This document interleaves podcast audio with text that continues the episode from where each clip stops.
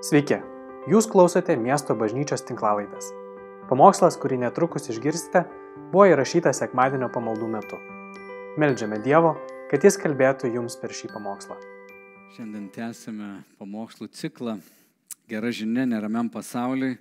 Ateitis yra Dievo nulemta. Ir kai pradėjom šitą ciklą, mes kalbėjom apie visą žmonijos istoriją, kad ji yra progresyvi.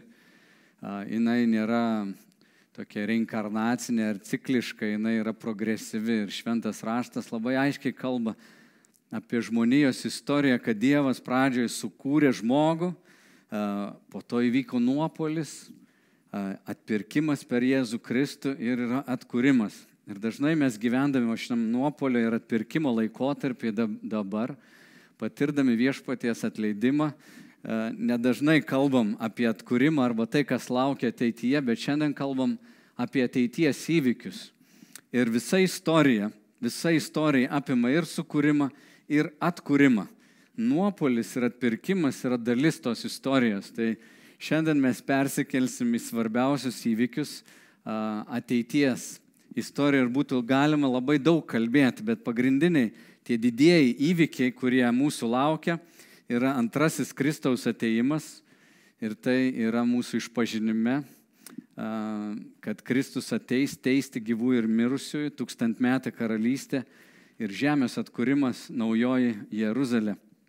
Tai yra svarbus įvykiai, kai kurie sakytų, kaip dėl suspaudimo laikotarpio, apie tai ir pakalbėsim taip pat, bet šiandien praskrisiu truputėlį pro visą tą paskutiniųjų laikų dalį nes per trumpą pamokslą tikrai negalima visko išdėstyti.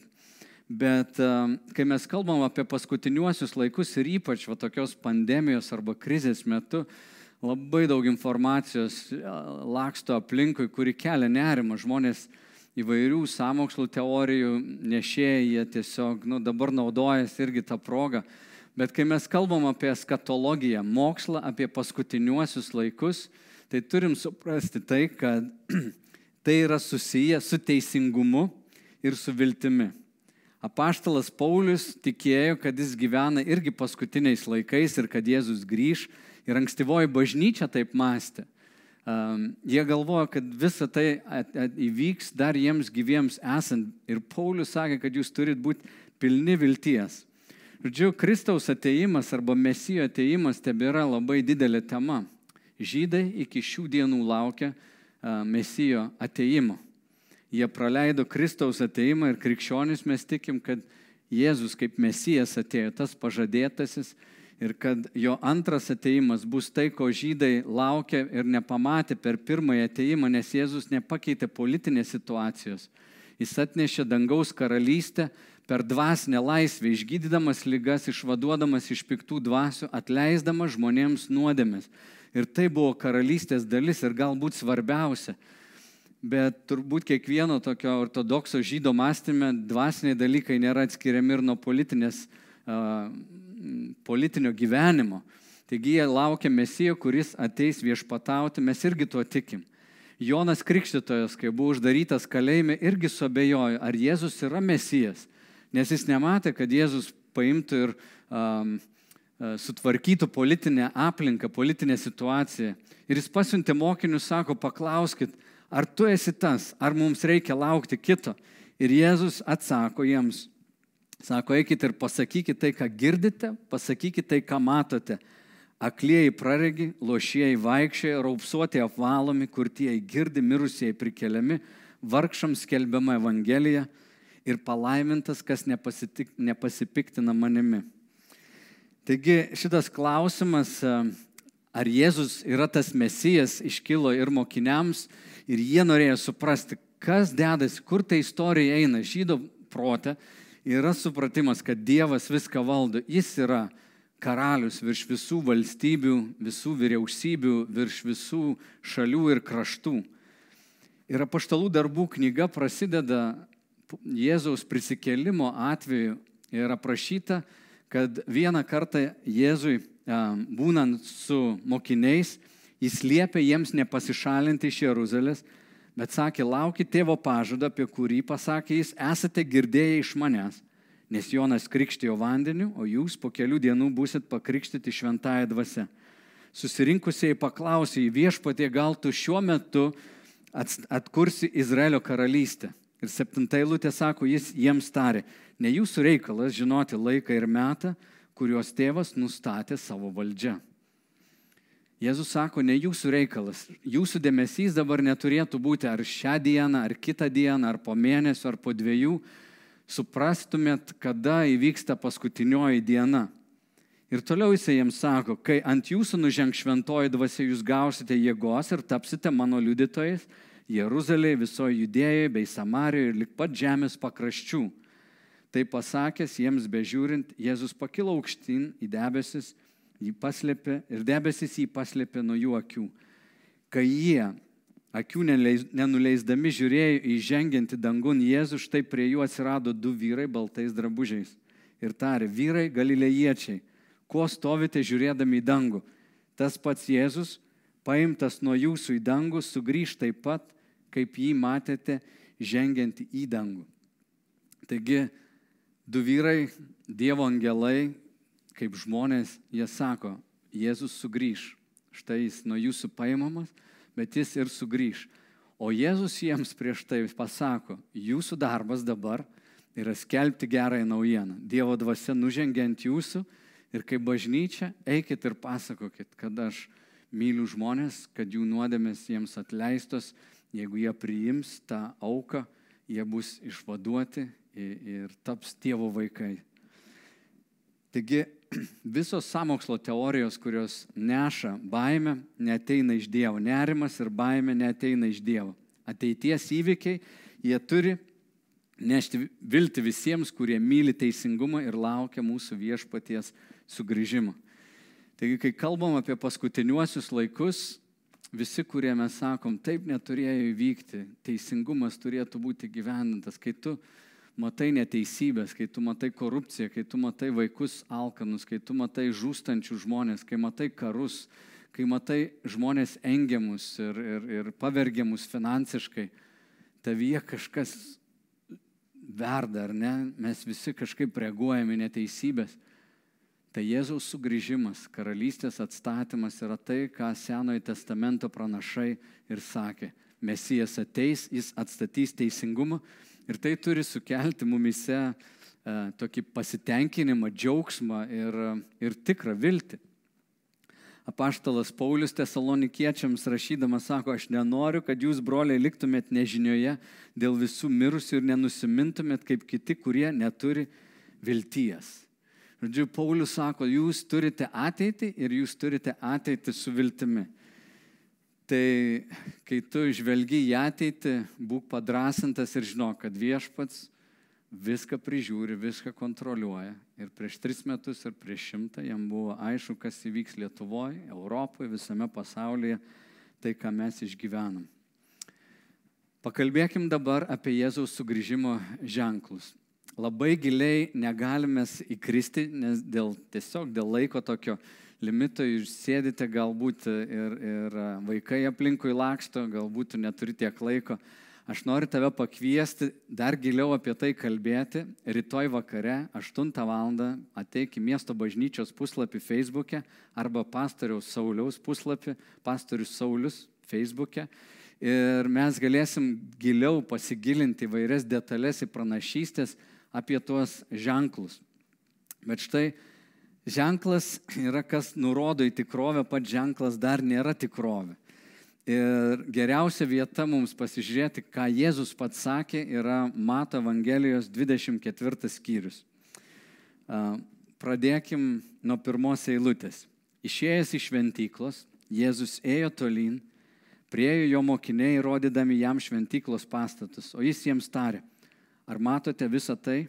Iš tiesų sakau jums, čia neliks akmens ant akmens, viskas bus išgriauta.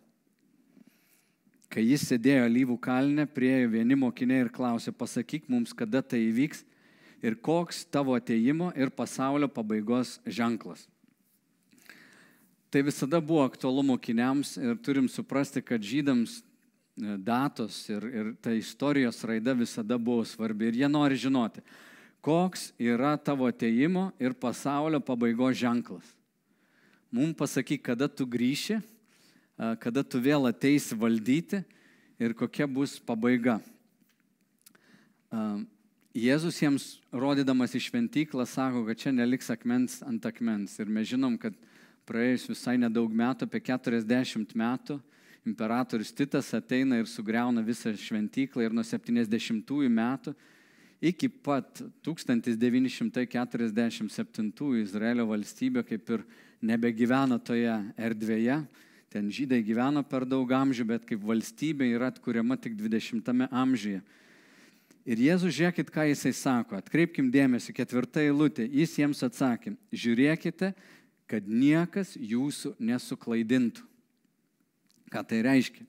Mes turime būti budrus, turime irgi domėtis, kad kažkas mūsų nesuklaidintų apie ateitį, kad mes neįtikėtumėm kažkokią beviltišką ateities viziją arba nepasinertumėm į kažkokį visišką vėlgi ateizmą arba tokį, kad viskas baigsis čia ir dabar, arba pagalvotumėm, kad Dievas neturi jokio plano, sako, žiūrėkit, kad nesuklaidintų ir žiūrėkit, kad nesuklaidintų tarp, taip skirtingais arba klaidingais mokymais. Penkta eilutė sako, daug kas ateis mano vardu ir sakys, aš esu Kristus ir daugelis suklaidins. Girdėsite apie karus ir karų gandus. Žiūrėkite, kad neišsigastumėte. Vėlgi, žiūrėkit, kad neišsigastumėte. Jėzaus perspėjimas, žiūrėkit, kad širdis neprisirištų prie blogų prognozių ir kad jūs neišsigastumėte. Nes jeigu tu žiūrėsi naujienas visą laiką, pripildysi savo galvą visokiausių tokių bauginančių istorijų. Žinoma, kad tu išsigasi, bet Jėzus sako, žiūrėkit, kad niekas nesuklaidintų ir kad jūs neišsigastumėte, nes visa tai turi įvykti, bet tai dar negalas. Visa tai turi įvykti, tai dar negalas. Kas įvyks? Toliau Jėzus tęsia. Tauta sukils prieš tautą ir karalystė prieš karalystę. Vairiose vietose bus badmečių, marų ir žemės drebėjimų, tačiau visa tai gimdymo skausmų pradžia. Tada jūs atiduos kankinti ir žudyti, jūs būsite visų tautų nekenčiami dėl mano vardo. Daugelis pasipiktins, vieni kitus išdavinės ir vieni kitų nekes. Atsiras daug netikrų pranašų, kurį daugelis suvedžios.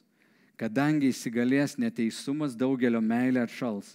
Bet kas ištvers iki galo, tas bus išgelbėtas ir bus paskelbta ši karalystės evangelija visame pasaulyje paliudyti visoms tautoms ir tada ateis galas. Čia vėl reikšmingas dalykas. Jėzus sako, kad evangelija geroji naujiena turi būti paskelbta visoms tautoms. Aš asmeniškai pažįstu misionierių, kurie su Viklifo organizacija važiuoja, verčia Evangeliją į skirtingas kalbas. Ir šiandien su technologijų pagalba mes matom, kad Evangelija yra prieinama net tose šalyse, kuriuose nu, krikščionys yra persekiojami. Šiandien yra krūva žmonių, kurie anksčiau negalėjo niekaip prieiti prie Dievo žodžio, šiandien jie prieina prie Dievo žodžio, šiandien jie gali skaityti, šiandien gali ten, kur yra internetas, jie gali įsijungti ir tai jiems yra nu, arti. Čia vėlgi labai reikšminga. Mes esam turbūt arčiau to negu prieš tūkstantį metų. Bet tai dar negalas ateis galas, kai bus paskelbta ar ne. Ir žiūrėkit, Jėzus tęsia toliau. 15 eilutė. Todėl, kai pamatysite per pranašą Danielių paskelbtą naikinimo bjaurasti, stovinčią šventoje vietoje, kas skaitote išmano. Tada, kas bus judėję, te bėga į kalnus, kas ant stogo ten nelipa žemėn pasimti ko nors iš savo namų, o kas laukuose ten negrįžta pasimti apsiaustą vargas neščioms ir žindančioms tomis dienomis, bet melskitės, kad jums netektų bėgti žiemą ar per sabatą. Tuomet bus didelis suspaudimas, kokio nėra buvę nuo pasaulio pradžios iki dabar ir kokio daugiau nebebus. Ir jeigu tos dienos nebūtų sutrumpintos, neišsigelbėtų ne vienas kūnas, bet dėl išrinktųjų tos dienos bus sutrumpintos. Jėzus kalba apie labai rimtus išmėginimus, kurie ateis ir ištik šitą žemę kad net Dievas pats tėvas sutrumpins tas dienas, nes kai kuriem jos atrodys nepakeliamus. Ir jis čia cituoja pranašą Danielių. neįlysim labai giliai Danieliaus knygą, bet tris eilutes noriu jums perskaityti iš Danieliaus knygos devintos skyriaus. Rytoj, pirmadienį galim apie tai daugiau pakalbėti. Danielius užrašė tokius žodžius, kai jam angelas Gabrielius pranešė žinę, sako, žinok ir suprask, nuo tada, kai bus duotas įsakymas atstatyti Jeruzalę iki pateptojo kunigaikščio pasirodymo, praeis septynios savaitės ir šešiasdešimt dvi savaitės. Ir to galėsiu paaiškinti, kas tai yra. Ji bus atstatyta su aikštėmis ir sienomis, nors ir sunkiu metu. Praėjus 62 savaitėm pateptasis bus nužudytas. Pateptasis mes suprantam mesijas. Bet ne dėl savęs. Vieno kunigaikščio pulkai sunaikins miestą ir šventyklą, čia Tito sunaikinimas. Tada ateis galas, lik potvinis ir iki karo pabaigos bus baisių sunaikinimų. Jis sudarys sandorą su daugeliu vienai savaitai, savaitės viduryje sustabdys aukų aukojimą ir ištuštint šventyklą, kad galėtų pripildyti jau ją bjaurysčių, kol sunaikintojai ateis numatytas galas. Čia yra reikšmingas dalykas, kai mes jau paliečiam tą uh, pranašystę, uh, kada sunaikintojas bus uh, pats nužudytas, kada jam ateis numatytas galas. Jėzus kalba apie tai, kas įvyks Danieliaus toj pranašystėje, jis kalba apie antikristo ateimą arba apie žmogaus, kuris atėjęs pradžioje sudarys taiką ir tos septynios savaitės yra, arba sep, viena savaitė, septynios dienos, pagal tą skaičiavimą yra septyni metai. Žodžiu, turi būti pastatyta šventykla ir ten galiausiai tų, tos savaitės viduryje, po trijų su pusę metų, turi atsisėsti tas a, naikintojas ir pats pasiskelbti Dievu. Ir va čia bus reikšmingas ženklas, kada žydų šventikla bus atstatyta. Noriu, kad pažiūrėtumėte į vieną nuotrauką. Šiuo metu šitas kalnas, šventiklos kalnas, ant jo Abraomas aukojo savo sūnų Izaoką. Šiuo metu čia stovi uh, mečetė, nors žydai prižiūri įėjimą, kas gali įeiti šitą, ant šito kalno, bet administracija pačios šventyklos priklauso musulmonams. Taip čia pasakyta Danieliaus pranašystė, kad šventikla turi būti atstatyta. Šventikla tokia kaip Saliamono šventikla, galim pažiūrėti va tokią repliką, kaip atrodė Saliamono šventikla, bet ten turės atsirasti aukojimai ir tada va ant to kalno, kai bus vėl aukojamos aukos, tai bus vienas iš tokių ryškių ženklų, kad galas yra arti. Per kiek laiko tai vyks, dabar daug labai tokių spekulacijų vyksta, aptarimų, bet pažiūrėkim dar atgal į tą kalną, kad va šita vieta, jinai yra reikšminga ir mes galim stebėti naujienas, mes nežinom, kada tai bus padaryta.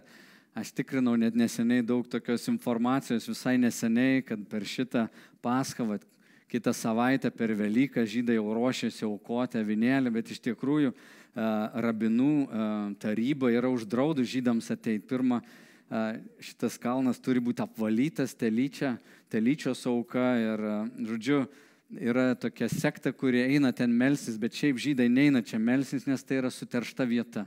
Turi vykti kažkokie reikšmingi pokyčiai. Ir čia yra didelės įtampos vieta, nes musulmonams tai yra trečioji šventa vieta po Mekos ir Medinos, tai yra trečioji vieta, iš kurios jie sako, Muhamedas buvo paimtas į dangų. Bet čia jūs galite suprasti, kad tai didžiųjų religijų susidūrimas - judaizmo ar ne, krikščionybės, musulmonų. Ir čia yra reikšminga vieta. Jėzus apie tai kalbėjo. Apaštalas Paulius irgi kalba apie šitą laiką ir perskaitysiu jums iš antro laiško tesalonikiečiams. Jis pradeda jį taip sakydamas, mes prašome jūs broliai dėl mūsų viešpaties Jėzaus Kristaus ateimo ir dėl mūsų surinkimo pas jį. Nesiduokite taip greitai nukreipiami nuo sveiko proto ir įbauginami ar dvasia, ar žodžiu, ar neva mūsų parašytų laiško, esą Kristaus diena jau atėjo. Ir tuomet buvo žmonių, kurie sakė, jūs pradžiopsojot, Kristus jau grįžo, tas antrasis ateimas jau įvykęs, jis sako, nebūkite įbauginami ir aš Šiaip noriu labai nuraminti jūs, žiūrėkit savo širdies, kad niekas tavęs neįbaugintų, nei dėl kokių ten ženklų, kas dabar vyksta dėl, dėl vakcinų ir visa kita. Labai daug tos informacijos, bet nepameskim to didžiojo paveikslo, kas turi vykti. Štai paštalas vėl pabrėžia svarbu reikšmingą dalyką. Sako, tegul niekas jūsų neapgauna, kuriuo nors būdu. Pirmiau turi ateiti atkritimas ir būti apreikštas nuodėmės žmogus, pražūties sunus, prieštarautojas, kuris išaukština save prieš visą, kas vadinama Dievu, ar garbinama ir pats sėdasi kaip Dievas Dievo šventykloje. Kur? Dievo šventykloje. Jis turi omeny tą konkrečią šventyklą, kuri turi būti atstatyta, rodydamas save esant Dievu. Ar neprisimenate, jog aš tai sakiau jums, tebe būdamas tarp jūsų? Jūsgi žinote, kas dabar jį sulaiko, kad jis būtų apreikštas savo metu. Nedorybės paslaptis jau veikia, kol bus patrauktas tas, kur, kas ją sulaiko. Tada pasido, pasirodys nedorelis, kurį viešpats sunaikins savo burnos kvėpimu ir sutriuškins savo ateimo spindesiu. Ano nedorelio ateimą šetonui veikiant lydės visokios jėgos ženklai ir netikri stebuklai. Ir visokia neteisumo apgaulė žūstantiems už tai, kad atsisakė mylėti tiesą savo išgelbimui. Todėl Dievas jiems pasiūs stiprų paklydimą, kad jie tikėtų melu ir būtų nuteisti visi, kurie netikėjo tiesa, bet pamėgo neteisumą. Apaštalas Paulius vėl pabrėžė šitą dalyką, kad turi ateiti antikristas arba tas na, nedorybės žmogus, turi reikalauti savo garbinimo, pats dėtis Dievu ir tai turi vykti šventyklos aukojimo kontekste. Bet jo dėmesys yra nukreiptas į kitus dalykus. Žiūrėkit, kad nebūtumėt apgauti ir žiūrėkit, kad bus tokių, kurie eis į paklydimą, kurie pamils melus, kurie nežiūri teisingumo, jiems tai yra išbandymo metas, bet mums, kaip tikintiesiems, tai neturėtų kelti jokio nerimo. Mūsų ateitis yra visiškai saugi. Jėzus toliau, mato 24 skyriui, jisai sako, jei tada kas nors jums sakys, tai štai čia Kristus arba jis tenai, netikėkite. Nes atsiras netikrų Kristų ir netikrų pranašų ir jie darės didelių ženklų bei stebuklų, kad su, suklaidintų jie įmanoma net išrinktuosius. Štai aš jums iš anksto visą tai pasakiau. Taigi Jėzus duoda perspėjimų ir jūs galite pažiūrėti uh, toliau, tą mato 24 skyrių, jo pabaigoje jisai vėl mokiniams sako, todėl būdėkite, nes nežinote, kurią valandą ateis jūsų viešpats. Supraskite ir tai, jeigu šeimininkas žinotų, kurią nakties valandą ateis vagis, jis būdėtų ir neleistų jam įsilaužti namus. Todėl ir jūs būkite pasiruošę, nes žmogaus sunus ateis tą valandą, kurią nemanote. Tame pačiame skyriuje Jėzus sako, net sunus nežino tos valandos, vien tik tėvas. Todėl kiek ten Jehovos liudytojai ar septynis kartus yra ten Kristaus ateimo datą pasakę, ar kiti pranašai, Jėzus apie tai kalbėjo, kad bus tų, kurie sakys datas, bet jūs būdėkite, būkite pasiruošę. Mūsų šiandien pašaukimas tiesiog būti būdėjami. Ir viešpaties ateimas yra arti šiandien galim pasakyti, jis yra arčiau negu, negu kada nors. Bet kiek tai tęsis, ne, neskubėkim daryti išvadą. Aš pamenu, kai tapau tikinčių žmogumi, krikščionimi, kažkas sakė, Gorbačiovas atitinka visas tas atrodo to žmogaus sąlygas. Jis neša taiką, vat, šaltasis karas baigėsi, jis net turi dėment, e, piktojo dėmę ant savo kaktos. Žodžiu, tiek, tiek esu matęs nu, tų teorijų visokių ir tų pranašyščių. Bet manau, kad mums reikia stebėti, kad mes būtumėm pasiruošę visada tikėjime, artimam santykiai su viešpačiu ir, ir pilni vilties ir teisingumo skelbti Evangeliją dėl dvasios, kuri yra nužengusi ant mūsų ir jinai veikia šiandien. Bet paskutiniai dar du įvykiai, kuriuos paminėsiu, tai yra tūkstantmetė karalystė. Apaštalas Jonas Patmos saloje užrašė apreiškimo knygą. Tai yra apokaliptinė literatūra, jinai pilna simbolių, bet jie tie simboliai irgi kalba apie tikrovę, kuri ateina. Ir 20 skyriuje jisai sako, aš išvydau angelą nužengianti iš dangaus, laikanti rankoje bedugnės raktą ir didžiulę grandinę. Jis nutvėrė slibiną senąją gyvatę, kuri yra velnės ir šetonas. Surišo jį tūkstančių metų ir įmetė į bedugnę, užrakino ją ir iš viršaus užanspaudavo, kad nebegalėtų daugiau suvedžioti tautų, kol pasibaigs tūkstantis metų. Po to jis turės būti atrištas trumpam laikui. Aš pamačiau sostus ir juose sėdinčiuosius, kuriems buvo pavesta teisti Taip pat regėjau sielas tų, kuriems buvo nukirstos galvos dėl Jėzaus liudėjimo ir dėl Dievo žodžio, kurie negarbino žvėries, nei jo atvaizdo ir neėmė ženklo savo ant kaktos ar rankos. Jie atgyjo ir viešpatavo su Kristumi tūkstantį metų. O visi kiti mirusieji netgyjo iki pasibaigiant tūkstančių metų. Šis yra pirmasis prisikėlimas. Palaimintas ir šventas, kas turi dalį pirmame prisikėlime Šitiems antroji mirtis neturi galios. Jie bus Dievo ir Kristaus kunigai ir valdys su juo tūkstantį metų. Čia yra labai reikšminga dalis ir viltis visų, kurie nori teisingumo, kurie yra viešpaties. Apie tai pranašas Zacharijas kalbėjo ir iš tiesų žydai laukia tokio teisingumo išsipildymo žemėje, kada Mesijas teisingai valdys visas tautas. Ir va ta tūkstantmetė karalystė vėlgi yra čia žemėje. Čia nekalbam apie kažkokį a, tokį dvasinį pakilimą ir išėjimą į kažkokią kitą erdvę, bet kad šita žemė yra ta erdvė, kurioje Dievas įtvirtins mesijo viešpatavimą ir kad jo teisėjai bus prikelti ir jie kartu valdys ir mes būsime atnaujinti ir aš net nežinau, sunku net įsivaizduoti, koks grožis tada bus Tame yra mūsų viltis. Ir sako, palaimintas žmogus, kuris turi prisikelimą, kuris turi dalį pirmame prisikelime. Nes kai mes būsim prikelti, mes daugiau mirties nebematysim. Ir tai yra labai reikšmingas dalykas ir viltis, kurie gyveno krikščionis per, per šimtmečius. Jie gyveno su tą viltim, kai gyvenimas čia žemė pasidaro be galo blogas tada ta viltis, kad vieną dieną aš būsiu atnaujintas, aš būsiu su Kristumi, yra labai brangi. Ir kiekvienas vat, išbandymas, pandemija, jinai mus atveda į tokį, į tokį suvokimą. Ir dar vienas dalykas, tai yra žemės atkūrimas.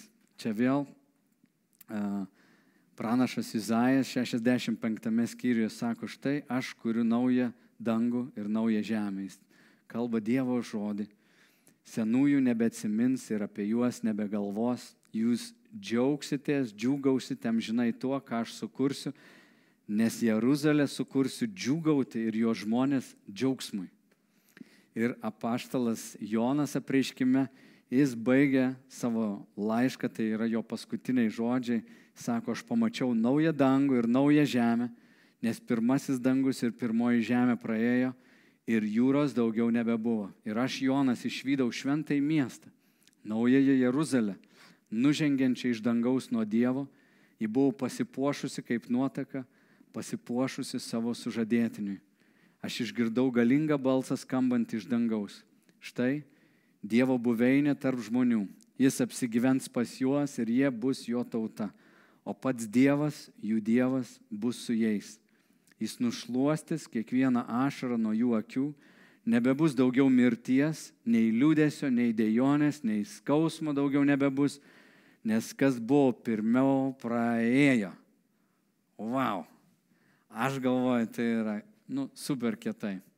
Kažkas gali apie mus kalbėti, mes truputį pametę protą, bet, nu, aš žiūriu į šį pasaulį, jis man dažnai atrodo beprotiškas. Jis gražus, bet kartais galvoju, kas čia tą visą betvarkę daro. Pradedant nuo manęs, aš irgi ją darau. Bet aš laukiu tos dienos, kada mes būsim atnaujinti, kada Kristus įves teisingumą, kada šita žemė bus atnaujinta ir mes būsim palaiminti. Nebebus liūdėsio. Nežinau, man kaip melancholikui, tai čia iš vis yra kažkas nerealaus. Uh, Žodžiu, nežinau, kaip tai atrodys, aš gal tik kursiu, kursiu, žodžiu, bet bus faina ir mes susitiksim tuos, kuriuos praradom, tie, kurie išėjo su viešpačiu, mes juos vėl matysim. Ir, a, nežinau, čia yra nuostabioji, gražioji žinia. Iš tiesų tai yra, nu, tai turėtų kelti mums tą viltį dėl teisingumo ir gilų džiugėsi, kad Kristus mūsų išsirinko ir iš mirties mus jau išvadavo. Ačiū, kad klausėte. Daugiau informacijos apie miesto bažnyčią rasite internete www.m-b.lt arba Facebook, Instagram bei YouTube paskiruose.